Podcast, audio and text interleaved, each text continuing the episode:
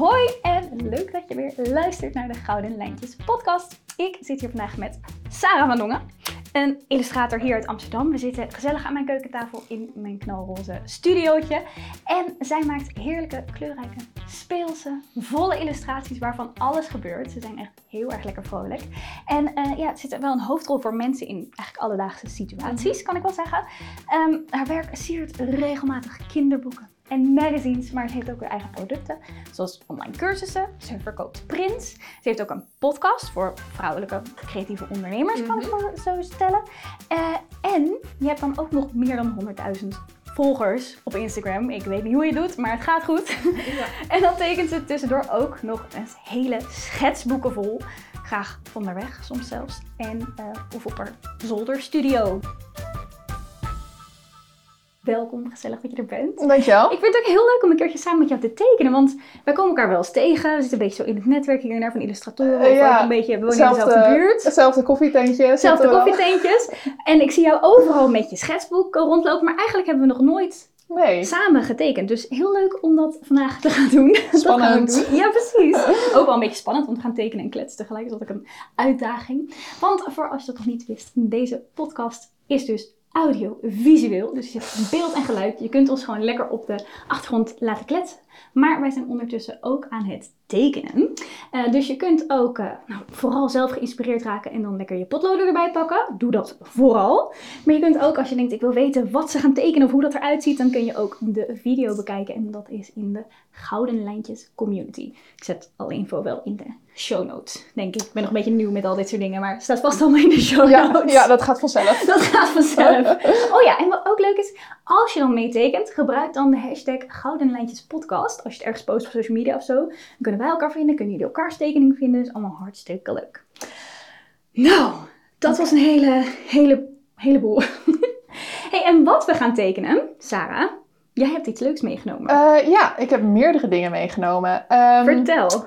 Ik heb wat dingen uit mijn jeugd meegenomen. Dus uh, twee van mijn lievelings uh, prentenboeken, die ik uh, als kind heel leuk vond. Mm -hmm. um, de Stukgedanste Schoentjes van Jane Ray.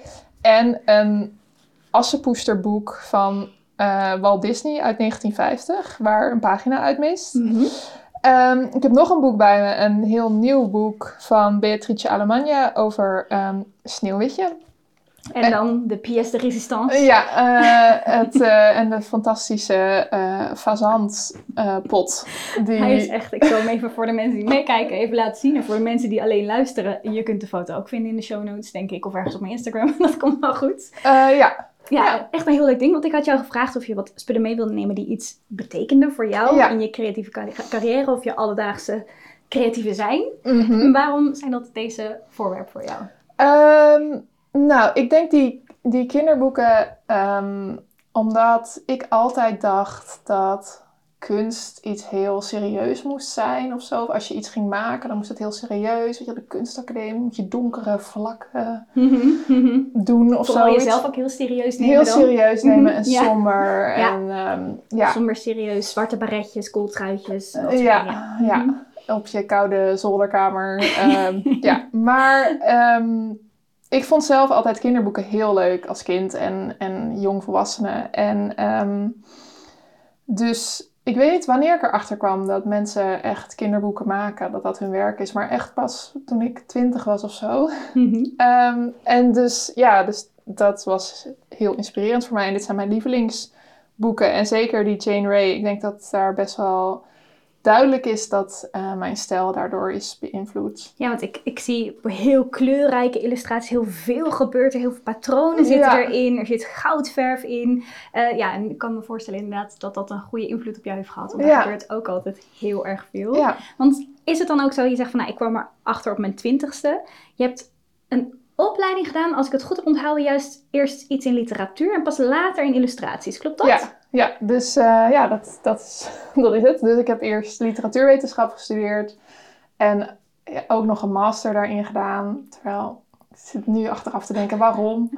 Maar ja, um, en toen uh, ben ik een opleiding gaan doen in Engeland om kinderboeken illustrator te worden. Superleuk. Dus dat heeft wel echt iets ges gesparkt, die die mooie illustratieboeken, geïllustreerde boeken, prentenboeken. Noem je Ja, dat? Prentenboeken. Kinderboeken, prentenboeken. Prentenboek. Ze zijn echt heel erg mooi. Ik heb er net stiekem al van tevoren even doorheen gebladerd. Eh, al vind ik de laatste die je hebt meegenomen, die Eh, is wel ja. echt een beetje creepy. Dus ik ben benieuwd op welke manier dat invloed op je stijl heeft. Nou, ehm, het is denk ik officieel een prentenboek, maar het is gewoon een heel eng boek.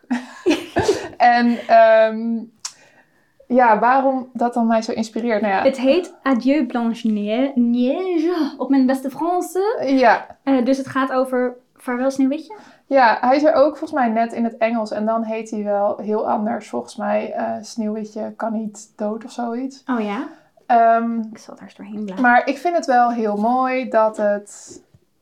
eh, ja, want de, de echte sprookjes zijn ook heel eng en luguber. Ja hè? De oorspronkelijke sprookjes oorspronkelijke- zijn helemaal niet zo eh, Nee. vrolijk en Disney. ehm, dus dat vind ik wel fijn. En ja, dat dit boek gewoon. Het is natuurlijk gewoon voor volwassenen. Want als kind krijg je hier nachtmerries van. Ik bedoel. Ik zou hier ook... Ja, het is prachtig met de kleuren, maar nachtmerries wel. Maar ja, ik vind het zo. Het is zo experimenteel. En je kan gewoon zien dat eh, de illustrator lekker heeft getekend. Gewoon een lol gehad. Eh, weet je wel, niet één manier van iets uitbeelden, maar gewoon onderzoeken hoe, wat hoort bij dit verhaal. Dus ehm, ja, ik vind dat ook wel heel bijzonder dat, het, dat je dus niet binnen een hokje Mhm. iets hoeft te doen. En speelt het ook al een rol bij je eigen creatieve proces dan? Eh, nee. Nou, ik vind, het heel, ik vind het best wel moeilijk om te experimenteren of nieuwe dingen te doen. Ik ben toch iemand die het liefst veilig met dezelfde materialen werkt steeds. Maar dan na een tijdje wordt het een beetje saai of vind Mhm. ik het saai. Of dan vind ik dat ik mezelf niet genoeg uitdaag. Dus dan ehm, ja, moet ik mezelf dwingen om een soort van een beetje te proberen en niet na te denken over het resultaat. Ik ben wel benieuwd hoe je dat doet dan. Eh, nou, dus vooral door niet na te denken, want je hoeft maar één lijn op papier te zetten en je kan er eigenlijk al een oordeel over hebben. Dus ehm, in, op goedkoop papier bijvoorbeeld en heel snel, zeg maar, jezelf een tijdlimiet geven, een paar minuten en dan dingen gewoon uitproberen. En wat ik ook nu vaak doe, is dan gebruik ik een schets die ik best wel leuk vind Mhm. als voorbeeld. En dan ga ik daarna die ehm, tekenen met nieuwe materialen of zo. Of heel rommelig. Of, het, he- of dingen heel erg uitvergroten of klein maken. Of... Wat leuk. Ja, en dat is best wel, want dan hoef je niet twee dingen tegelijk te doen. Je hoeft niet en iets te bedenken wat je gaat tekenen en een nieuw materiaal. En misschien dat je eh, een soort andere stijl gaat proberen. Maar je hoeft, ja, je hoeft je maar op één ding te focussen. Slim. En over op twee dingen focussen tegelijk gesproken.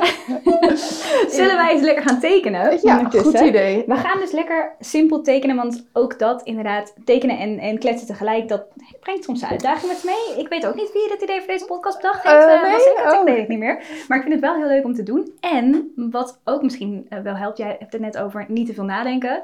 Dat helpt mij soms ook, want als je gewoon lekker iets anders gaat doen tijdens het tekenen, dan vloeit het soms ook eens uit papier wat je gewoon niet verwacht. Ja. Dus we gaan gewoon lekker iets, iets beginnen. Ik kijk allebei een beetje angstig, maar Ja. dat komt goed. Ehm, qua materiaal, jij sprong meteen af op, eh, op eh, of toen ik jou vroeg van wat vind je leuk om mee te tekenen, zei je nou, ik heb mezelf toch een set cadeau gedaan. Mhm. Eh, dit is eventjes een nerdtaal voor, voor, voor stationary lovers. Maar er zijn ehm, ja, brush markers op waterbasis van Tombow en er zit een heel mooie set. Ik zal ook het linkje naar eh, de, eh, een reel die ik erover heb gemaakt daarin posten, want het is echt heerlijk om naar te kijken. Je wil hem alleen de hele dag open en dicht doen. We hebben potloden en jij sprong net af op de, ja, ik heb een ac- acrylmarkers, Carin markers. Ehm, en die zijn, eh, ik heb, gebruik ze zelf ook te weinig, dus ik vind het leuk om daar ook wat mee te experimenteren. Die hebben een brushpuntje en alleen dan zit er verf in. Dus dat is eh, heel fijn. En de potloden zijn van Faber-Castell Polychromos. Ik zal alles in de show notes zetten. En dan gaan we lekker beginnen. We gaan trouwens verder dus niet te veel kletsen over onze tekening. Eh, dus als je niet meekijkt, no worries. Ja. Wij gaan het gewoon hebben over andere leuke, gezellige dingen. Oké. Ehm, ik ben trouwens ook wel eh, benieuwd, want Sharon of Sharon ondertussen, die vroeg: ehm, eh, nee, vo- natuurlijk heb je opleiding volgevoegd, dat hebben we net besproken. Maar ze vroeg ook, heb je jezelf ook dingen aangeleerd buiten, buiten je opleiding? Ehm, ja, want ehm, ik denk dat dat eigenlijk... Ik doe even mijn papiertje zo. Ja, slim. Ehm, ik denk dat jezelf dingen aanleren, ja, of jezelf aanleren, dat is misschien niet de, de goede benaming, maar ja, als, als illustrator of creatief iemand moet je eigenlijk een soort van je eigen eh, art school samenstellen, denk ik. Mm, En hoe doe je dat? Nou ja, dus bijvoorbeeld dingen waar jij in geïnteresseerd bent of waar jij denkt, hé, hey, hier ben ik niet goed in. Dus bijvoorbeeld, eh, weet ik veel, kleur of perspectief of mensen tekenen of Mhm. dieren. Of... En dan ehm, ga je daar een soort van onderzoek naar doen. Dus dan kan je natuurlijk, eh, weet ik veel, een cursus gaan doen of een online cursus kopen of filmpjes kijken of een boek Ja. kopen. Of... Dus ik denk dat, je, dat er heel veel verantwoordelijkheid bij jezelf ligt om Ik, ik snap dat gevoel heel goed. Ik was er ook echt verbaasd over. Ik heb heel lang gedacht dat ik niet kon tekenen. Als, volgens mij, jij tekende wel altijd, hè? Vroeger, denk ik. Of Nou, als ik, ja, ik- Nou, ik vond het als kind eigenlijk niet zo leuk. Om te Niet doen. leuk om te tekenen. Vond het zo zinloos. Want ja, dan ben je aan het tekenen en dan heb je zo'n platte tekening aan het eind. Wat heb je daar nou aan? Behalve voor je oma. Oh, wat hilarisch. Niet dat je dacht, oh, ik kan lekker mezelf eh, lekker vrij uiten hierin. En eh, Nee, nee, helemaal niet. Ik maakte wel heel veel, maar dus ehm, ja, 3D dingen noem ik dat maar. Maar dus ja, weet je wel, poppetjes en wat leuk, meer knutselen. dieren, meer knutselen en poppenhuizen en Oh, ja. weet je wat interessant zo ook? Dat je dan eigenlijk dan toch bij het tekenen uit bent gekomen. Ja, nou ja, dat komt he- heel erg. ehm, Ja, ik denk dat creativiteit echt een heel groot onderdeel was van mijn jeugd. En toen, ja, dan kom je. En, maar ik deed het dus allemaal om mee te spelen. Ik deed het allemaal Mhm. om een soort van speelgoed te maken. Of, ik, of ja, ik maakte ook altijd allemaal gadgets. En dan was ik eh, geheim agent. Wat cool. Heerlijk. Maar goed, dan kom je in de puberteit en dan ehm, moet je ineens, ja, mag je niet meer spelen of zo. Of dan, ik weet niet hoe andere mensen dat er- hebben ervaren, maar spelen gaat niet meer zo goed. Of ja, Want dan kreeg je misschien een vorm van gêne een beetje of zo. Of Ja. andere dingen waar je meer zorgen over ging maken dan over het eh, ja ik, ik, tekenen. ik weet het niet, maar ehm, ja, het, het lukte ook niet meer zo goed of zo, het spelen. Of ja, je gaat je schamen van ja, dit, dit moet je niet doen als je 14 bent. Ja. Of, ehm, ja, ja, ja. En ehm, ja, heel veel dan, van mijn vriendinnen die, weet je wel, dan, die eh, waren dan heel erg geïnteresseerd in muziek Oh, en jongens en dat kleding. cool. Maar ik vond het echt allemaal, ik vond er echt allemaal niks aan. Nee? Nee, nee, nee, echt niet. Jij hebt nooit meegedanst op de Backstreet Boys. Nee, Dansjes gemaakt. Ik ging altijd van die dansjes maken toen ik een jaar of Nee. begin puberteit was. De Spice Girls. nee, heb ik ook dus allemaal niet Dit verraadt meegemaakt. meteen ook hoe oud ik ben. Ja, maar wij zijn ongeveer even oud. Ja. Dus. Maar ik heb dat dus allemaal, Spice Girls, nooit naar geluisterd. Backstreet Boys, het is allemaal langs me heen gegaan. Oh, echt. Ehm, Lekker in je eigen wereld. Heerlijk ook wel. Ja, ja, maar dus, en ik denk dat ik, ja, dus toen ben ik gaan tekenen, dus op mijn 15 of zo, denk ik.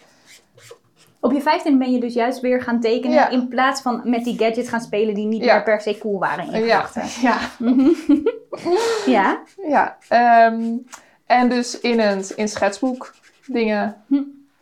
Ehm, Nou, ik ben blij dat je bent gaan tekenen, want deze mooie carrière eruit.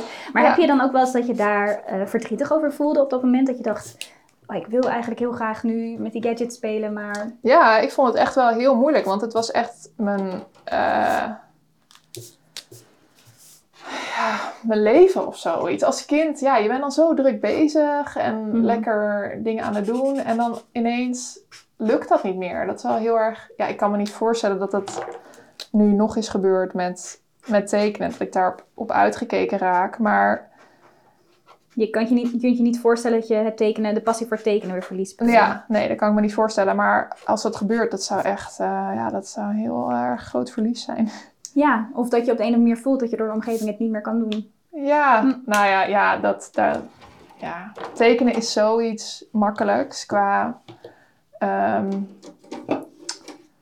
bedoel, je hebt een potlood en een papiertje en eh, vijf minuten en... Ja, dat is waar. Maar het- ik ben blij dat je er zo over denkt. Maar ik denk toch dat heel veel mensen het ook lastig vinden. Tenminste, ik vond het in het begin eh, best wel lastig. Bij mij was het dan ook, eh, ja, misschien dat ik vroeger wel eens wat doodelde of tekenen zoals kinderen dat doen. Maar ik herken die puberteitsfase die je zegt. Dat je opeens denkt, oh nee, en mensen gaan op me letten. En andere mensen kunnen het beter. En het moet opeens goed zijn. En eh, het, het is, en eh, iemand anders naast me in de klas kan het beter. En ik weet allemaal niet hoe en wat. Ehm, en dat, dat was voor mij daarvoor wel een beetje funest. En ik merk dat dat later ook wel heel erg doorspeelde in het... kan ik wel gaan tekenen? Dus het simpele effect van een papiertje en een pen, dat raakte dan, sloeg dan om in frustratie van hetgene wat in mijn hoofd zit, dat komt niet op papier en ik weet niet hoe en laat maar zitten en ik misluk toch. En ik, ik, ik, denk dat dat eh, hoor ik ook best wel vaak terug bij mijn cursisten of zo. Die zeggen ja, ik weet niet zo goed wat, ik weet niet hoe ik moet beginnen en het lukt allemaal niet. Dus Ja. wat is jouw geheim dat dat bij jou wel kan? Jij hebt geen angst voor de witte pagina. Ehm, nee, ehm, ik, eh, ja, ik weet, ik weet het niet, maar het is iets, iets geks dat eh, mensen verwachten dat je in één keer een, een goede tekening kan maken. Mhm, Terwijl als je iets gaat doen in het leven wat je niet vaak doet, mhm. dan in het begin ben je gewoon shit. Ja, Ja. ben je er gewoon nog niet goed in? Ben er niet goed in. En ik heb wel een soort van een hele rare hoop dat als ik iets voor het eerst probeer, dat heb ik nog steeds, dat ik er dan heel goed in Ik ben. herken dit heel erg. Oh, ik... Stel, weet je wel, ik ga tennissen, nog nooit getennist. En Mhm. ik ga erheen en dan blijk ik een natuurtalent. Mhm. Terwijl, ja, dat is gewoon... En met zoiets als een muziekinstrument is dat nog veel erger. Stel, je wil leren piano spelen. Mhm. Ja, natuurlijk ga je niet... gewoon die, dat eerste jaar komt er gewoon echt helemaal niks. Zinnigs, eigenlijk geen Zinnigs, toon. Je kan nee. geen noten lezen, je kan nog helemaal niks. Nee. Dus waarom willen mensen dan al na één keer proberen of na één cursus iets fantastisch neerzetten? Ik snap dat echt niet. Misschien omdat kinderen ook tekenen, dat ze denken, oh kinderen doen het, dus dan is het niet moeilijk of zo. Dat, dat kan. Ja, en op de een of andere manier, ik, ik weet ook niet wat daarachter zit. Ik heb er zelf dus ook veel moeite mee gehad om het te doorbreken. Maar op de een of andere manier voelt tekenen misschien ook heel erg als iets persoonlijks. Tenminste, als iets waar je zelf, in- dat je zelf faalt of zo, als je dat eh, niet goed doet, al- als persoon. Terwijl het slaat natuurlijk nergens op, want eh, het is net zoals piano spelen inderdaad. Niemand verwacht dat je dat in één keer kunt. Nee. Maar misschien met creativiteit, ik zie heel veel parallellen met mensen die eh, bijvoorbeeld perfectionistisch zijn in tekenen of eh, heel streng zijn voor zichzelf in tekenen of niet zo goed durven of heel lang ergens over doen. En dat zijn vaak dan ook parallellen voor de echte wereld of processen Ja. die ze daarin hebben. Ja, en ik, ik vind het ook. ehm, ja, perfectionisme, ik, ik heb dat gelukkig niet. Nee, dat is zo fijn. Maar ja, nou ja, het, het is ideaal. En ehm, ik zou zeggen, koester dat ook. Maar misschien is dat wel een goed moment voor een, eh, een vraag. Want Loes die vroeg ook, hoe lukt het om te durven om je gevoel te volgen? In bijvoorbeeld het switchen naar tekenen of het ZZP-leven of... Ja, ik denk ehm, dat het met heel veel dingen te maken heeft. Aan de ene kant moet je jezelf vertrouwen. Van ja, vertrouwen dat je iets kan. Ehm, en dat je, dat je ja, interessant ge- genoeg bent. Ik bedoel, heel veel, mijn illustraties, daar zit heel veel van mezelf in. En ik probeer het dan ook mensen aan te leren. Van ja, maak, maak een illustratie. ehm, een soort van gebaseerd op je eigen leven. En mensen denk, zijn dan bang dat ze niet interessant genoeg zijn. Terwijl ja, iedereen, iedereen is wel interessant. Ehm, maar tegelijkertijd, ja, of je... Ja, je moet ook realistisch zijn. Want ja, het, het, het leven als een ZZP'er is niet voor iedereen. Eh, Mhm. Wat vind jij een grote uitdaging bijvoorbeeld? ehm, Van het leven als ZZP'er? mm, Wat niet Nou, eigenlijk. Nee, ik, nou, de, ik denk dat... Ik bedoel, ik vind het helemaal niet... Ik kan gewoon zeven dagen per week werken. Heb ik ook wel last van, ja. En aan de ene kant is dat misschien een soort eh, vloek. Maar aan de andere kant heb je ook mensen die komen gewoon niet hun bed uit als het niet van iemand anders moet. Dus ik denk dat het heel belangrijk is dat je jezelf kent. En eigenlijk denk ik dat ik best wel een lui iemand ben. Maar Het is moeilijk te geloven met Ja, die productiviteit die jij hebt. Als je ziet het. hoeveel je tekent en hoeveel je bezig bent. Maar dat komt, ik ben er gewoon achter gekomen dat ik zo ongelukkig word van niet tekenen en niet bezig zijn. Dus nu ben ik denk ik iets te ver doorgedraaid in productiviteit. Maar ik, ik, ik ken een soort van mijn zwakte daarin dat als ik niet goed me voorbereid of zoiets, of dan doe ik allemaal dingen niet. Of als ik de, ochtend, de dag niet goed begin. En Wat is voor jou een goed begin van de dag dan? Ehm Goeie vraag. Nou, ehm, ja, dat ik soort van weet wat ik moet gaan doen. Dus het liefst eindig ik de dag met dat ik een beetje een soort van opruim. En dat ik een lijstje heb voor de volgende dag. Wat ik moet, Wat je moet doen wat qua opdrachten? doen Of, qua of werk. is het dan werk dat je voor jezelf doet? Of heb je dan bijvoorbeeld opdrachten? Nee, dus, dus meestal opdrachten, maar ook bijvoorbeeld... ehm, de, ook wel dingen die ik zelf wil. Dus ik wil dan zelf eh, bijvoorbeeld een uurtje experimenteren of zoiets op donderdag, zeg Mhm. maar wat. Dus dat staat dan ook op mijn to-do-lijstje. En daar kan je jezelf altijd goed aan houden? Eh, nou, die staat dan vaak wel onderaan. Dus eh, Ja. of ik daar aan toe kom, Mhm. dat is dan de vraag. Ehm, wat was, ik, ik wilde nog iets zeggen als antwoord. Wat was de vraag nou? Ja, dat krijg je als je tegelijk aan het tekenen bent. hè? Ja, dat heb ik ik- ook, ik- hoe, wat een goed begin van je dag is. eh, nee, zeg maar de vraag van... Oh, de vraag van Loes. Lukt het om te durven om je gevoel... hoe het lukte om je gevoel te durven volgen? Oh ja. Ehm, nou, ik denk dat het ook echt zo erg met je situatie te maken heeft. Met gewoon je leefsituatie. Mhm. Qua, zeker ook voor jezelf begin. Nee, ik ben nooit bang geweest voor geld. Mhm. zorgen of zo. En dat, ik denk dat dat puur komt omdat ik weet, als er echt iets gebeurt, eh, heb ik familie die me kan helpen. Ja. Ja, dat is En- natuurlijk een heel fijne positie om te hebben. Ja, en daardoor neem je gewoon meer risico's. Terwijl als jij uit een gezin komt waar altijd geldzorgen waren en je weet dat er gewoon niemand iets over heeft, Mhm. dan is het veel moeilijker om risico's te nemen. Ja, dat is ook eh, is zo. Ik kom zelf ook uit een heel bevoorrechte situatie wat dat betreft. En ik merkte dat zeker toen ik in het begin net ging ondernemen en mensen vroegen hoe gaat dat dan? Hoe, moet je, hoe, hoe, hoe durf je van tekenen je beroep te maken? Of waarom heb je je baan opgezegd? Want ik maakte opeens zo'n switch. Ja. En hoe, hoe, hoe lukt je dat? En toen dacht ik, maar iedereen kan dit. Maar Ja. toen was ik me nog niet zo bewust van mijn vo- bevoorrechte positie daarin. Ehm, ik denk ook wel dat het... ehm, eh, los van, dus als het echt niet kan, als je echt helemaal vast zit. Maar er zijn veel mensen die denk ik misschien ergens op zo'n positie zitten waar het wel zou kunnen, maar waar er heel veel belemmerende gedachten zijn. Dus ik denk ook dat dat een stuk eh, mindset is. Dus als Mhm. je inderdaad je bewust wordt van die belemmerende gedachten, dan gaat dat ook al heel veel helpen. Maar ehm, eh, ja, je moet maar net in de positie zijn. Ja, en het is niet. En, en het is ook voor een deel soort van die, die risicobuffer. Want aan de ene kant heb ik nooit, er is nooit iets gebeurd waardoor ik geld moest vragen, weet je wel. Mhm. Dus het is, ook, het is gewoon mentaal. En, ehm, nou ja, en het scheelt ook wel, ja.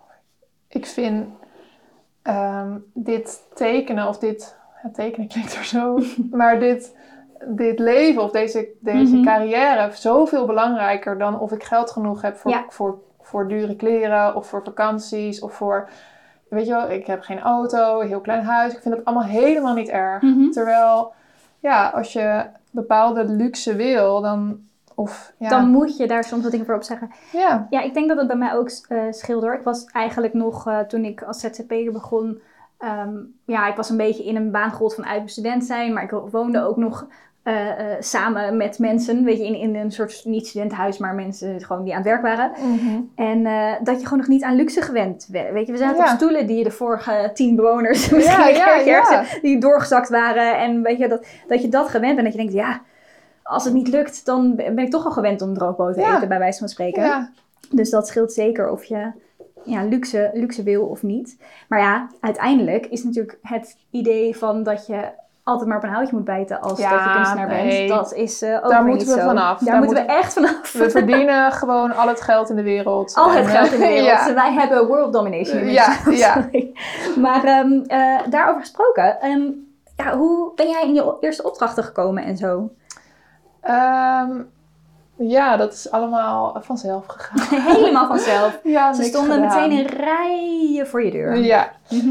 Ik denk dat je als beginnend illustrator heel... Ik weet niet wie dit zei, maar ik vond het een hele mooie manier van zeggen. Heel erg veel moet spelen zonder bal. Spelen zonder bal. Dus je bent gewoon heel erg veel aan het tekenen zelf. En zelf dingen aan het doen, zonder dat je een opdracht hebt. Je bent een opdracht voor jezelf aan het bedenken. Mhm. En je post op social media, je bent bezig met je portfolio, je bent onderzoek aan het doen naar uitgeverijen waar jij denkt dat je wel tussen past. Hoe En- doe je dat onderzoek bijvoorbeeld? Nou, dus gewoon naar een boekwinkel gaan en dan naar boeken kijken van hé, hey, dit vind ik heel leuk of hier past mijn werk tussen. Hm. En dan schrijf je die uitgeverij op, want uitgeverijen hebben best wel een eigen, ehm, hoe heet dat? Een afdeling waar ze misschien... Of... Nee, een, Een een eigen stijl, een eigen Oh, op die manier, ja. boodschap of een eigen. En je wil niet, het heeft niet zoveel zin om bepaalde uitgeverijen om die te mailen waar, jou, waar je echt helemaal niet tussen past. Of Mhm. waar ze dat ze al iets hebben wat echt heel erg op jouw werk lijkt. Dan gaan ze ook niet. Het heeft helemaal geen zin om die mensen te mailen, want ze gaan sowieso nee zeggen. Mhm. Ehm, dus in die zin onderzoek doen. Dus Denk lekker ik. assertief zijn en kijken op plekken waar jij tussen past. Nou, misschien niet als je dan als je geen kinderboeken wilt doen, dan misschien ergens anders. Ja, of tijdschriften of bijvoorbeeld. tijdschriften. Ja, of, of kijken waar dat, eh, waar dat allemaal zit. ja, Ja. Want eh, ben jij dan ook begonnen meteen met... Ja, je had natuurlijk een illustratieopleiding. Ja. Illustratieopleiding. En eh, ehm, denk je dat dat ook heel erg heeft geholpen bij jouw portfolio bijvoorbeeld aanbieden aan uitgevers? Ja, zeker. Ehm, ik denk, ja, dus ik heb, een, die, ik heb eh, de opleiding Master Children's Book Illustration gedaan. En die wordt best wel hoog aangeschreven. Dus als mensen dat zien staan, dan denken ze al dat je van alles kan. Wat Oh. niet per se zo is. Maar, dus het is gewoon ehm, voor een deel gewoon een soort van, ja, je cv. En ehm, aan het eind van die opleiding was er een ehm, graduation show. En daar was dan een private view. En daar komen dan allemaal uitgeverijen en agenten naartoe. Cool. Dus daaruit was al van alles, had ik al allemaal contacten. Dus toen stroomde daarin. Was er eigenlijk een selectieproces om aan, dat, aan die ehm, illustratieopleiding mee te doen? Ja, ja. Ehm, zeker. En dat was het spannendste van mijn hele leven. Ja, hoe ging dat? Ehm, ik had eerst ehm, de summer school gedaan. Dus ze hebben ook een, een soort zomeropleiding week. Ehm, en daar kan gewoon iedereen aan meedoen. En nou, het was echt zo fantastisch. Maar ik dacht nooit dat, dat iemand zoals ik... Of ja, dat je, dat je die opleiding kon doen. Die summer school bedoel je of de opleiding? De opleiding zelf. Mhm. Die daar, daar dus zeg maar wel... Want hoe kwam je bij die summer school terecht Ja. dan, überhaupt? Volgens mij zag ik dat online een keer. Ik weet het niet. Of in Dus de, ook in dat is eigenlijk weer toch overal assertief op zijn. Een beetje rond blijven kijken, ogen open houden, kijken Ja. wat voor mogelijkheden er zijn. Ja, ik, ehm, ehm, mijn, eh, mijn verkering die heeft een, een vriend. Die woont bij ons om de hoek, die komt heel vaak langs. En, ehm, die- zegt het alsof het niet helemaal gewenst is. nee, nee. Straks gaat hij dit luisteren. Ja. Nee, hij is heel leuk en aardig, maar hij eet alles op. Maar dat is, Ah. dat, daar wilde ik het niet over hebben. Maar Mhm. eh, hij zat toen, ik weet niet, hij kwam langs en er lagen tijdschriften op tafel of zoiets. En hij zei, ja, wat is dit? Ik zei, ja, daar ben ik op geabonneer- geabonneerd. Mhm. Toen zei hij, zo, je, dat illustreren je, je doet het wel, je doet het wel echt, hè? Of zo. En dan denk ik, ja, tuurlijk, tijdschriften met illustraties vind ik leuk. Ja. Eh, ja, eh, filmpjes over illustreren vind ik leuk. Eh, boeken over, ja, weet je wel, alles. Hij was een beetje verbaasd van, oh, dat je naast je werk ook nog magazines met illustraties Ja. gaat bekijken of zo. Ja. Oh ja. Ehm, dus ik, ik denk dat ik het in de flow zag staan of zoiets. Ehm, dus, maar dus aan het eind van die summer school, er waren denk ik twee andere Nederlanders, Mhm. deed een van die Nederlanders gewoon ter plekke toelating. Wat? Eind augustus was het. En ze mocht meteen meedoen in september. Nee, dit meen je. Maar was dat ook het plan van diegene? Of, Nee, eh, nee, helemaal niet. Maar ze vond het er zo leuk. En ze was nou... En ik, ik zat te kijken en ik dacht, wow. Zij was wel heel goed. Ja. Ehm, Ellen Vesters. Oh, ja, herken ik ook. Ja, Ja. leuk. Ja. Ehm, Voor maar- de mensen die het niet kennen, zoek zeker Ellen Westers even op. Ja, Hartstikke leuk het staat in, natuurlijk Staat in de show notes. vanzelf in de ja, show notes. vanzelf verschijnt dat in de show notes. Ehm, maar ehm, dus aan de ene kant dacht ik, wow. Kijk, ze was wel echt heel goed. Maar ik dacht ook, oké, je kan gewoon, dus gewoon toelating doen. Het is dan- niet zo ongrijpbaar als... Eh, ja, Dus toen heb ik nog twee jaar lang gewacht. eh, gewacht en geoefend. En ik heb nog contact gehad met ehm, eh, docenten van de opleiding en feedback gevraagd. Ik ben nog een keer daarheen gefietst. Gefietst. Ja, met de boot en dan fietsen en kamperen met, met Ik wou zeggen, het is een eentje fietsen. Eindfietsen naar met al mijn schetsboeken. Ik had twintig schetsboeken bij me. Ik hoop niet dat je in een regenbui terecht bent Het gekomen. was zeker regen. Oh, hoe heb je dat gedaan? Ja, heel goed, heel goed verpakt. Maar, en toen heb ik nog een keer feedback ge- gevraagd erop. Dus ik heb wel echt... Weet je, aan de ene kant denk je dan, oké, dit wil ik. Ja. Maar ik heb toen niet gehaast. Ik dacht van, oké, dit, dit wil ik. Ik ga me hierop voorbereiden. Ik ga dit helemaal goed doen. Best wel... Soms doe ik dingen wel een beetje gehaast. Eh, Ja, dat ken ik. Ik heb Maar goed. vrij weinig geduld voor dingen soms. Dus dat komt me Ehm, zeer bekend voor. Ja, dus ik heb daar dus wel mijn best voor gedaan. En toen, ehm, je mocht, je kon als eh, internationale student, ehm, hoe heet dat? Digitaal toelating doen. Dus dan stuur je je portfolio en een klein tekstje. Maar dat wilde ik niet. Mhm. Want ik dacht, als ze mij zien, dat is al zoveel extra. Ja, nou ja, best goed gedacht. Best wel slim. Ja, en ik dacht, ja, je kan, je kan dan als je je portfolio laat zien, echt, kan je ook je schetsboek meenemen. Je kan Ja. erover praten. Ehm, dus ik ben erheen gegaan en ik weet nog, ik stond daar beneden in die zaal te wachten en ik dacht echt, ik kon wel huilen.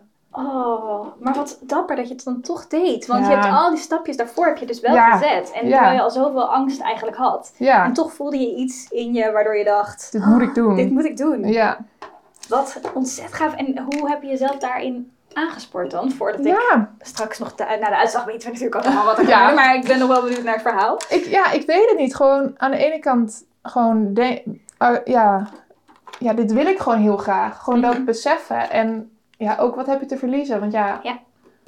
of je wordt het niet, maar ja, dan heb je hetzelfde als dat je het überhaupt niet probeert. Ja. Dus ehm, ja, ik weet eigenlijk niet hoe ik. Ik denk ook wel dat mijn omgeving me heeft gestimuleerd. Ik weet het niet. Alhoewel mijn moeder volgens mij, ik had mijn moeder meegenomen naar de toelating. Ehm, Was ook, moest ze ook op de fiets? Of mocht Nee, nee, niet. de toelating was niet op de fiets.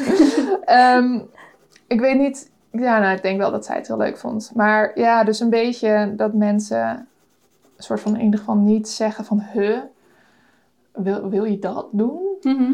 in je omgeving? Dat helpt natuurlijk ook al. Ja. ja, dat je niet zelf al een beetje denkt van, oh, kan ik dit wel? En dat andere mensen dan ook nog gaan zeggen van, dit Ja. maar nee. Misschien is dat sowieso ook wel, kijk, ehm, hoe erg ehm beïnv- beïnvloed je ook kan worden door Instagram op een slechte manier. Doordat je allemaal toffe dingen ziet en denkt, "Huh, hoe krijg ik dat voor elkaar? Ja, Het is natuurlijk wel zo dat het eh, ook een manier is om je te omringen met mensen die wel positief daarover zijn. Of waar je ziet van, hé, hey, die, die kunnen dat op die manier. Ik ga dat ook eens proberen. Ja. Of, of je ziet beginstapjes. Of eh, mensen reageren positief op je werk. Of, Ja, En wildvreemden. Ik weet nog dat ik mijn eerste post deed. Ik wist toen nog niks van hashtags. ik, noemde, ik was begonnen met handlettering en ik noemde dat woorden tekenen. Of zo. Ja, zoiets. nou dat is het ook. Handlettering is ook woorden tekenen, dat is ook zo. Maar ik wist niet dat daar een hele community omheen stond. En ik gebruikte niks van hashtags. En opeens kreeg ik een like van een vriend. ik dacht, Uh, huh? wat Hoe kan gebeurt het? hier? Wat gebeurt hier? En dan had ik opeens Ah. drie likes nou. Mijn wereld stond op zijn kop. En eh, dat is toch ook wel heel erg mooi dat je, eh, ook al heb je, zit je dan misschien niet in een positie waar je heel erg gesteund wordt of waar je, eh, je, zullen vast mensen zijn, zeker rondom creatieve dingen, die juist eerder aanraden, ga iets anders doen, ga een echte baan zoeken.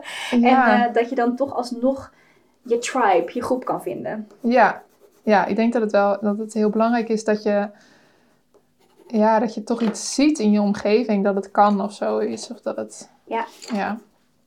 Ja, dat zeker. Ik ehm, ben dan ook misschien eh, wel benieuwd, want we hadden het al eventjes over alle eh, struggles zo waar je je overheen zette rondom die, eh, die applicatie. Mhm. Waar je dus met vlag en wimpel doorheen bent gekomen, super fijn. Maar heb je dat verder ook, dat je je over bepaalde dingen heen moet zetten of dat je misschien een heel erg tegenslag hebt gehad dat je dacht, oh, dit, hier Ja, kom ik niet meer overheen, hoe doe ik dit? En dat het dan toch lukte? tegenslagen, Ja, nee, nee. Ben jij ook alles van een leider? Gaat alles- Wat fijn. nou, ehm, ja, ik denk, het, het is heel moeilijk, maar tegenslagen, ja, die horen er ook gewoon bij. Ja, Bij alles waar. wat je Bij doet. het ondernemen en bij... eh, Ja, dus ehm, tuurlijk, er zijn altijd dingen, weet je wel, die gaan niet door. Of je wordt het niet. Of Heb je dat wel eens gehad? Dat je, omdat het dan rondom kinderboeken misschien of zo? ja, dus dan is er een project en dan het gaat dan niet door. Mhm. Om wat voor reden dan ook. Ja, dat heb ik al een paar keer gehad. En, ehm, of dan gaan ze toch ineens met een andere illustrator. Terwijl dan denk ik, huh, ik dacht dat, dat waren er andere illustratoren dan. Weet Oh ja. wel? Ehm, en ik heb ook wel toelating gedaan bij de kunstacademie. Toen ik Mm. 19 was, ben ik niet aangenomen. Dus dat was nog voor je Ja. studie, zeg maar. Ja. Mm. En dat was, vond ik eigenlijk ook echt heel erg. Ja, dat snap ik. Maar ik had niet dat ik toen dacht, oh, dus ik kan het niet. Dat, die Wat fijn. Want eh, ja, je hebt dus eigenlijk best wel een heel erg soort positieve mindset van... Oké, dit is echt even heel rot, maar we gaan door. Ja. Nou ja, ik had eigenlijk ook nooit gedacht dat ik geld zou gaan verdienen met Met tekenen? Tekenen. Nee. Ik had altijd wel, ja, dat je denkt, oké, misschien eh, doe ik dit dan twee dagen per week of zo. En dan moet ik gewoon drie dagen iets anders doen, weet ik veel, lesgeven of zo. Terwijl dat is echt op een school, dat is echt niks voor mij. Ik Lesgeven als artdocent. Ja, ja, op een middelbare school of zo. Wel superleuk, maar het Ja. is, eh, je moet je wel liggen. Ik, Ja. ik ben ook al eerder een beetje bang voor eh, tieners. dan. Ja, oh my god, tieners zijn de engste mensen. Ja, Eigenlijk überhaupt voor kinderen. Ik, ik durf het überhaupt, ze zijn allemaal zo eerlijk. ja, En eerlijk als in ook dan heel niet aardige dingen zeggen. ja. Mhm. vooral bij tieners Ja. vind ik dat heel erg, ja. Ik heb daar ook wel een beetje een angst voor. Ja, ehm, maar goed, dus die kunstacademie was wel een teleurstelling. Terwijl ik was ook helemaal nog niet Klaar om daar te beginnen. Nee, terwijl het had me wel heel leuk geleken. En Mhm. ik zag wel een soort van voor me. Ja, en mijn moeder die heeft de kunstacademie gedaan en mijn oudste broer ook. Maar Dus het zit eigenlijk wel heel erg in de familie dan. ja, alhoewel mijn, mijn broer die doet echt iets heel anders. Wat, eh, hoe is dat zo gegroeid? Of eh, is hij, hij dacht, dit is, vind ik gewoon niet dan eh, Ja, mijn ik, richting? ik weet het niet, maar eh, ik heb het beetje het idee, hij was dus de kunstacademie aan het doen. En toen zei ik, ja, maar ik heb een universitaire bachelor of zoiets. en toen, nu heeft hij twee PhD's. En ik, ik bedoel, dat komt natuurlijk niet door mijn opmerking. Jullie motiveren elkaar goed thuis. ja, ja. Maar het was wel een beetje zo van, eh, dus nu doet hij iets heel anders, maar ook Oh, wel heel oh. leuk. Maar ja, oké, dus het zit wel een beetje dat creatieve in de familie. Ja, ja, zeker, ja. Dat helpt misschien ook wel dat ze je stimuleerde om lekker te gaan tekenen. Dat je altijd daarin eh, gesteund voelt. Ja, alhoewel ik denk niet dat mijn ouders per... Die hadden wel... Een, die wilden wel dat ik ging studeren. En die wilden wel dat ik een echte baan zou nemen. Maar ook De echte baan. de echte baan, ja. Niet de neppe tekenbaan. Nee. Ehm, maar ik denk, omdat ja, mijn moeder dan ook... Die ziet nu wel... Die is wel heel trots nu. En die ziet Ja, dat nu wel ik. hoe leuk ik het heb. En, maar ja, ja. Dus ik denk niet dat ze, dat ze wist dat het kon. Weet je Mhm. wel? Zo'n zo'n baan als dit. Nou, ik denk dat dat met heel veel mensen het geval is. Dat je gewoon nog niet goed kan voorstellen. Voor mij voelt het ook als één grote snoepwinkel met alle mogelijkheden. Sinds het woorden tekenen onderdeel van, wat was het, eh, zes jaar geleden. Ja. Is er nu opeens, je ziet de mogelijkheden. En ik denk ook dat ehm, het daar, zeker als mensen willen beginnen in een creatieve carrière, dan het punt van help, ik heb een witte pagina, ik weet niet wat ik moet tekenen en welk materiaal ik moet gebruiken, tot aan hey, ik verkoop online cursussen, ik maak kinderboeken en dat soort dingen. Er zitten heel veel stappen tussen en dat Ja. lijkt ongrijpbaar. Ja. Terwijl als je eerst begint met die eerste lijn zetten en eens gaan tekenen en gaan delen, vooral ook veel aan mensen vertellen en daarin dus wel ook een beetje assertief zijn. Dat hoor ik ook weer in jouw verhaal van, ja. oké, ik ga gewoon achter die dingen aan. Ik fiets ervoor naar Engeland. Misschien moet je even Ja. voor naar Engeland fietsen, fietsen. En dan komt er steeds meer binnen je bereik. En dat is ook wel een, eh, ja, een heel fijne manier om dat te doen. ja, terwijl, ja, assertief. Ik vind mezelf niet, helemaal niet assertief. Jij vindt jezelf niet assertief? Nee. Terwijl jij eh, gewoon na een afleiding voor een kunstacademie hup, door bent gegaan en eh omgeschoold Ja. bent naar literaire, eh, literaire studie. En naar Engeland bent gefietst om alsnog gewoon je portfolio in te leveren. Want ze moeten mij zien, want dat is badass. Ja, ja, gek hè? Dat je, maar ik denk dat, dat je eigenlijk dus op die manier misschien jezelf dan niet zo goed kent. Dat je, ja, ik weet het niet. Maar, ehm, Ja, of dat je het al zo gewend bent van jezelf, Ja. dat je het heel normaal vindt dat, dat je dat doet. ja, ja. Dat zou ook kunnen. Maar want ik, ik eh, heb nog voor nog een andere opleiding eh, toelating gedaan. Daar was ik ook afgewezen. Hmm, wat voor opleiding was dat? Eh, ja, dat leek me echt fantastisch. Ehm, een master scientific illustration. Oh, dus ga je echt een soort van encyclopedie en zo. eh, ja, maar oh. dat is echt niks voor mij. Ja, dat is nu heel anders dan je stel nu. Dat is heel erg gedetailleerd en heel fijn. en dan doe je dus, lagen. weet ik veel, 331 uur over één tekening. Ja, ik heb zo'n boek over botanische tekeningen. Het is prachtig, maar het, er staat dan bij hoe lang ze over na. En dat is één druif kost dan 90 uur. Ja, het ik is... denk, ik heb daar ook. Maar alle respect voor mensen die Ja. daar natuurlijk heel erg mee bezig zijn. Ik kijk er heel graag naar. Maar Ja. Maar eh, dus die opleiding die is er in Maastricht. En daar ging ik dus heen Mhm. ehm, om te kijken. En het was echt fantastisch. Het was dus een master, dus ik ging daarheen. Toen was ik denk ik 23 of ja, 23. ja, En het zit dan in een soort zolderkamergebouw. Oh, en je hebt dan je eigen hoek in die studio. En het, er zijn vijf studenten per jaar of Mhm. zoiets. Weet je, en dan ook Mhm, nog internationaal. ja. En als ze niet genoeg goede aanmeldingen hebben, dan hebben ze gewoon maar drie studenten. Het is echt Ah. super super exclusief. exclusief. Oh, wat en een droom. Het leek me dus echt fantastisch, maar... En ik dacht ook echt dat ik zou worden aangenomen. Weer zo'n idee. Deceptie. Ja, dat ik denk, hoe kom ik nou Of weer zo'n idee bedoel je dat je dan, eh, dat je eigenlijk dus vol zelfvertrouwen zat. Zo vol zelfvertrouwen, ja. Terwijl... Ja, Je daar niet per se een reden voor had. Maar wat, wat een heerlijk uitgangspunt om dat te hebben. Want ik denk dat het bij veel mensen het andersom is. Ja, Jij bent ja. gewoon echt de Pippi Langkous. ik heb het nog nooit gedaan, dus ik denk dat ik het wel kan. ja, terwijl dat is niet altijd zo hoor. Het, lijkt me net alsof ik heel... Maar... ehm, ja, ik moet... Ik dus eh, over eh, anderhalve week ga ik weer naar Madrid voor nog een domestica cursus opnemen. Ja, want je geeft de Domestica is een online platform voor cursussen waar je alle Ja. cursussen kan volgen. En daar heb jij ook wat cursussen staan. Ja, dus dan, ehm, ik heb dus een soort van samen, of in samenwerking met hun een cursus gemaakt. En zij vliegen mij dan naar Madrid. Mhm. En dan gaan we het daar in vier dagen opnemen. Ja. En ik heb zoveel stress. Nou, niet stress, Ja. maar gewoon zorg. Dat ik denk, nou, dit, is, dit slaat allemaal nergens op. Niemand wil hier naar luisteren. Niemand Mhm. wil dit zien. Mhm, mhm. Waarom gaan we dit filmen? Waarom, waarom steken we hier tijd? Dus het is niet... Ja, dus op, op sommige momenten ben ik heel zelfverzekerd. En dan op andere helemaal niet. En misschien dus net verkeerd om. zeg maar. Nou ja, ik, dat eh, is misschien ook wel een bekend eh, fenomeen bij creatievelingen. Dat als je iets aan het creëren bent, dan op dat moment denk je, wat ben ik eigenlijk aan het doen? Dit slaat nergens op. Het gaat ook in zo'n soort curve. Ja, Van ja. eerst dat je denkt, ja, dit wordt fantastisch. Dit wordt- Dan ben je ermee bezig. En dan denk je, dit wordt niks. Ja. Oh, dit wordt verschrikkelijk. Ik mag nooit meer een potlood aanraken. Laat maar zitten. En dan op een gegeven moment, nou, oké, nou, oké, ja. En dan, wow, dit was superleuk. Ik ga het nog een keertje doen. Ja, Ja. ja. Maar fijn dat jij zo'n, ehm, ja, op de belangrijke momenten dan toch een soort innerlijke positiviteit hebt. Ja.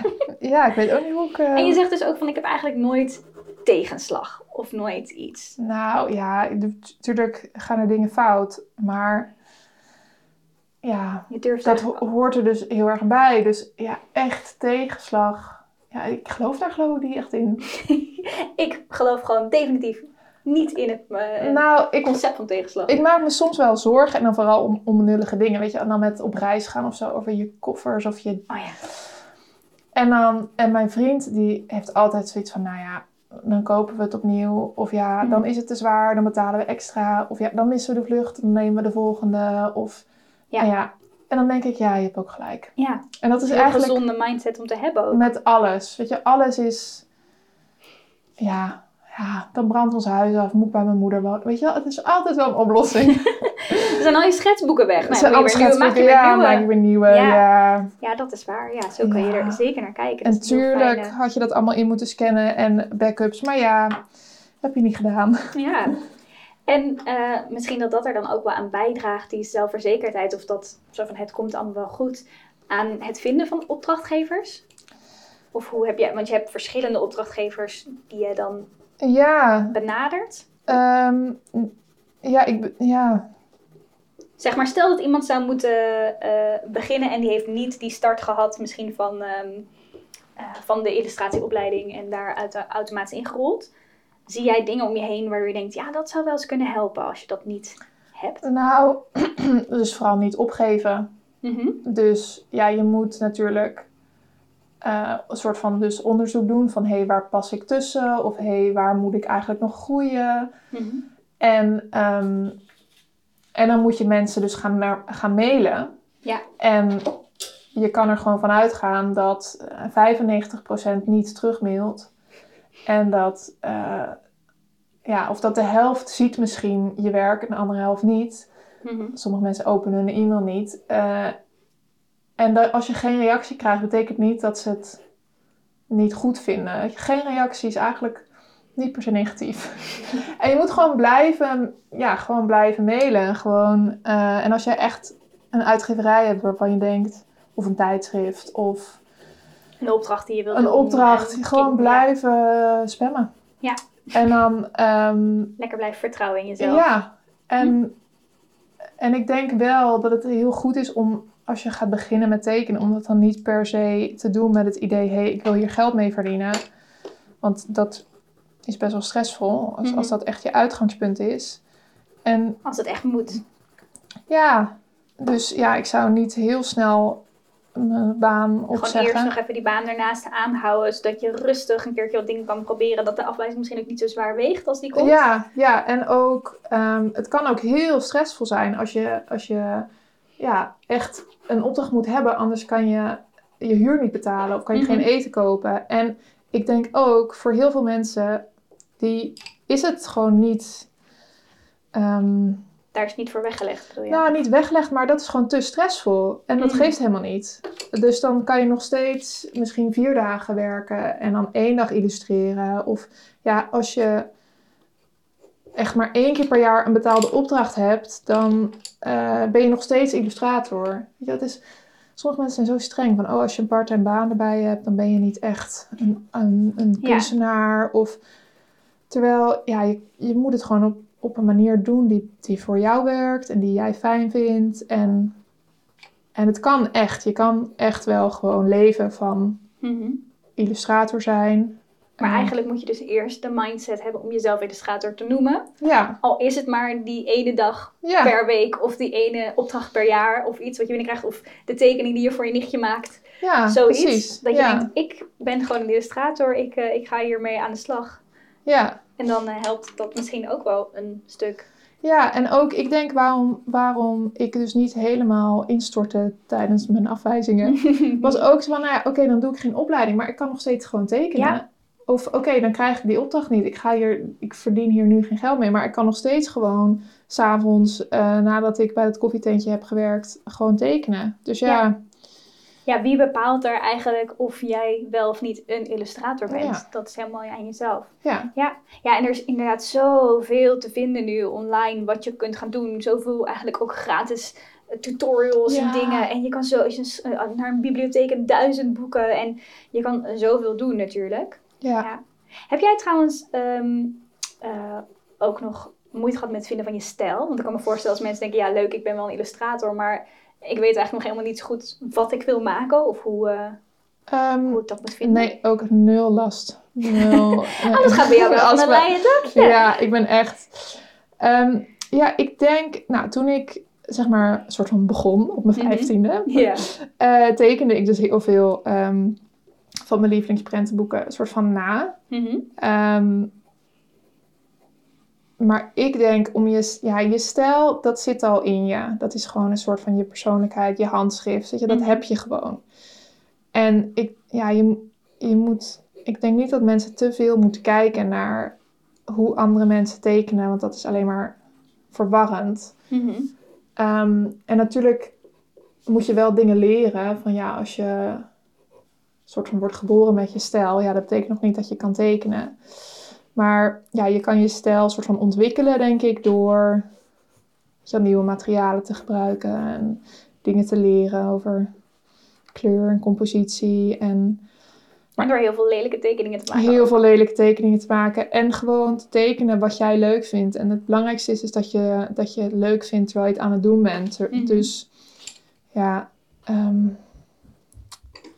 ja, ik zou ook niet te veel zorgen maken om stijl. Niet te, is- ja. Want eh, bijvoorbeeld eh, Nina die vraagt: Heb je tips om te beginnen dan met mixed media? En ik ben dan zelf ook wel benieuwd, waarom ben je daarmee begonnen?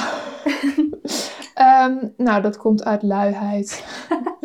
Ehm, ja, ik dacht eigenlijk echt dat je als kunstenaar of als, als illustrator moet je verf gebruiken. Want potlood, dat is toch voor niet serieuze mensen. Oh. Heel raar waarom Ja. ik dat dacht. Ik snap echt niet hoe ik daar aan kom. Maar ik ben ook vooral dus verf gaan gebruiken, omdat het lekker snel, kan je een vlak lekker snel vullen. En als je dat met potlood moet doen, of kleurpotlood, Mhm. dat doe je gewoon heel lang over. Ja, Ehm, en ehm, ja, dan vind ik het gewoon fijn om met potlood de details te doen.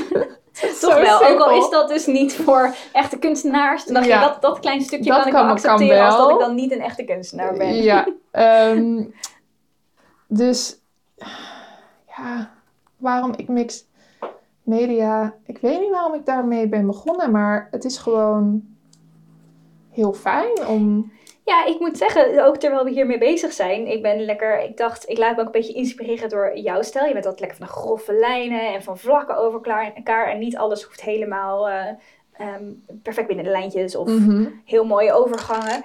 En ik vind het me toch een partijtje heerlijk. het is echt lekker. Ik heb eh, brushpennen door elkaar en dan weer potlood. En dan gooi ik er wat van zo'n verfpen over. Ja, we zijn dan niet nu met kwasten bezig. Maar het werkt echt heel lekker bevrijdend. En ehm, misschien ook juist dat je niet denkt, ik moet eh, heel erg een bepaald medium helemaal onder de knie hebben voordat ik het Ja. kan doen. Eh, dat je gewoon denkt, nee, ik ga gewoon lekker me laten leiden door mijn kinderlijke vrijheid waar ik zin in heb. Op dit moment wil ik nu een kras doorheen, dat doe ik met potlood. Ik wil een groot vlak zetten, want ik wil snel even wat, wat eh, inkleuren, dat doe ik met verf. Ja, en het is ook heel moeilijk om iets in één materiaal te doen eigenlijk. Want Ja. stel dat je nou, je hebt een tekening en je wil er nog iets lichters over, zoals wit of zo. Ja, met die eh aquarel eh, stiften, of hoe heet die, brushpennen, Ja. dat kan niet. Dat gaat gewoon niet, nee, dat Gaat is niet dekkend. Nee.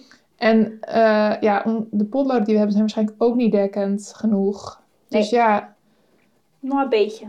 ja. Maar niet, niet genoeg om het helemaal wit te doen. Dan zou je eerder iets van gouache of dat soort dingen pakken. Ja, of Ja. een, ik net, heb ik net weer gekocht, een oliepastel. Oh, leuk. Ja, maar dus het is eigenlijk gewoon een beetje aan de ene kant een soort van gemak. Mhm. Ehm, en aan de andere kant omdat ik het heel ook leuk vind wat andere mixed media Mensen daarin. mensen doen. Mixed en, ja, media mensen. en het is al heel snel mixed media, mixed media want ja, je doet een kleurpotlood en een, eh, en een stift en het is mixed media. Dus ja. Heb je iemand die je daar heel erg in inspireert? In die stijl? Eh, nou, ik denk dus dat boek, dat Beatrice Alemanni, Mhm. het enge, enge, Die enge? dat is ook heel erg mixed media. Mhm. Eh, denk, tenminste, Ja, ja, ja, ik- dat denk ik. Tenminste, ik denk het wel. Ik denk hier in eh, verf dingen te herkennen. En er zitten potloodstrepen doorheen. En je ziet af en toe pastel. een pastel, neon, iets.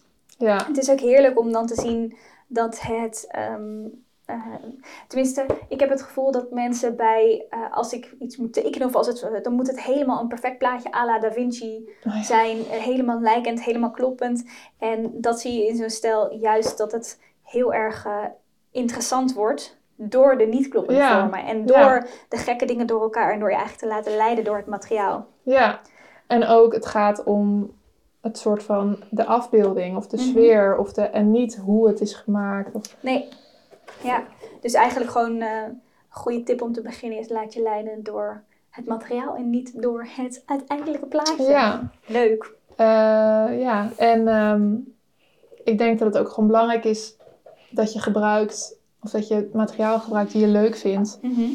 Eh, volgens mij heb ik het al eerder ergens verteld, maar ik dacht altijd dat je met modeltekenen houtskool moest gebruiken. Mhm. En ik vind houtskool dus het ergste wat er is. Dus na drie jaar houtskool heb ik eindelijk een soort van, weet je wat? Nee, ik doe geen houtskool meer. En ik doe niet meer groot. Weet je wel, ik- ja, ik heb het idee dat je dat heel groot moet doen. Gewoon, nee, ik doe gewoon lekker in mijn schetsboek, klein, met plot, potlood en kleur. Maar heel raar dat het zo lang duurde voordat ik dacht... Nee, ik, als ik iets niet wil, dan hoef ik dat niet te gebruiken. Ja, dus eh, toch ook weer die aannames over hoe het Hoe- zou moeten. Hoe het zou moeten, ja. Lekker loslaten Ja. met die handel. Ja, en ook, ja, want ja, je, je, je, je lievelingsillustrator of zo, die- ja, misschien gebruikt hij wel verf, maar dat betekent niet dat jij dat ook dan per se leuk vindt of Ja. zo. Ja, dus dan kan je eigenlijk kijken hoe je die stijl op een andere manier kan vinden. Met de Ja. materialen die je misschien ook in huis hebt. Je hoeft niet altijd per se iets nieuws te kopen. Nee, het is wel leuk natuurlijk, Het is een maar... heel goed excuus. Voor je het weet eindig je zoals wij met hele studio's vol met materialen. Ja, het is ook zo grappig. Ik zeg altijd tegen iedereen, nee, je moet niet een set kopen, want er zitten altijd kleuren tussen die je nooit gebruikt. Terwijl ik heb echt set-syndroom. Ik ook. Het full set syndrome. Dat je denkt, ja, ik wil het toch allemaal hebben. Ja, en ik zit nu wel, het er, er zitten ook voordelen aan, aan een volledige set. Ja. Want ik gebruik nu wel ook kleuren die ik anders niet los had gekocht. Dat is zeker waar. En ik vind het heel fijn als dingen op kleurvolgorde liggen. Oh, dat Want dan- alleen al is zo'n inspiratie. Als je zo'n Ja. regenboog voor je hebt En dan kan je net een andere kleur. Ja. En, ja. Wij Maar praten mensen allemaal zo'n complex aan dat ze dus de hele set de moeten... hele set moeten hebben. Ja, Sorry alvast. sorry, ja. Dat is echt onzin. hey, eh, ik denk dat we zo'n beetje... Ik vond onze tekeningen... Ik heb hier dus echt... Als ik dit zelf zou tekenen, zou ik hier echt al een half uur geleden mee zijn gestopt. Ik ook. Ik was ook gaandeweg. dacht ik, maar dit is ook een heerlijke vlugge stijl. Eh, voor de mensen die niet meekijken, zal er ook zeker een foto van, eh, van posten. Het is een heerlijke vlugge stijl. Het is lekker ook dat je in een half uurtje gewoon een beetje gedachteloos dat kan doen. En dat het ehm, ja, dus niet helemaal hoeft te lijken. Ik vind het ideaal. Ik zat liep het laatste half uur ook een beetje maar te, een beetje te In te vullen. in te vullen en dat soort dingen. Wat ook wel leuk is, komen nog wat leuke details uit. Maar op een gegeven moment is ook wel ook een kunst, hè? Op een gegeven moment gewoon stoppen. Ja, Lekker, lekker stoppen met eh, wat al mooi is. Ja, en met praten. Ik wil nog allemaal, ja. ik meestal, meestal stop ik dus voordat iets af is. Ik merk trouwens dit ook nu aan jou. Dat dan op het moment dat je denkt, oké, nu ga ik stoppen en je wil hem neerleggen, dan ga je toch niet. Dan wil je Ja, toch nog ik- eventjes verder. Nou ja, misschien neem je dan toch net even afstand en dan denk je, oh nee, hier kan Daar kan nog een stukje, daar kan nog Ja, een stukje. Dit is nog niet vol. Oh, Nou, weet je, je mag van mij ook nog gewoon lekker eventjes door, oké. doortekenen. Maar misschien dat we dan eh, lekker de podcast kunnen afsluiten. Ja, Heb jij nog iets waarvan je denkt, dat eh, wil ik echt nog heel graag meegeven aan de mensen die luisteren, die kijken, aan de wereld? Ehm, nou, Heb je misschien nog nieuwe plannen in de toekomst? Van, nee. wat je- Jij ziet het allemaal wel aan, maar het komt toch wel goed. Ja, ik denk gewoon niet te veel druk op dingen leggen. Aan de ene kant niet te veel verwachten, maar aan de andere kant wel jezelf pushen. Mhm. En gewoon dat je lekker bezig bent is het belangrijkst. Dat vind ik een heel mooie, heel mooi en heel wijze les. Nou, ik vond het heerlijk om lekker zo eh, samen te tekenen. Ehm, als je lekker meegetekend hebt, dan laat het ook zeker zien. Dus onder hashtag Gouden Lijntjes podcast. Wil je nog zien hoe ons tekenproces is gegaan?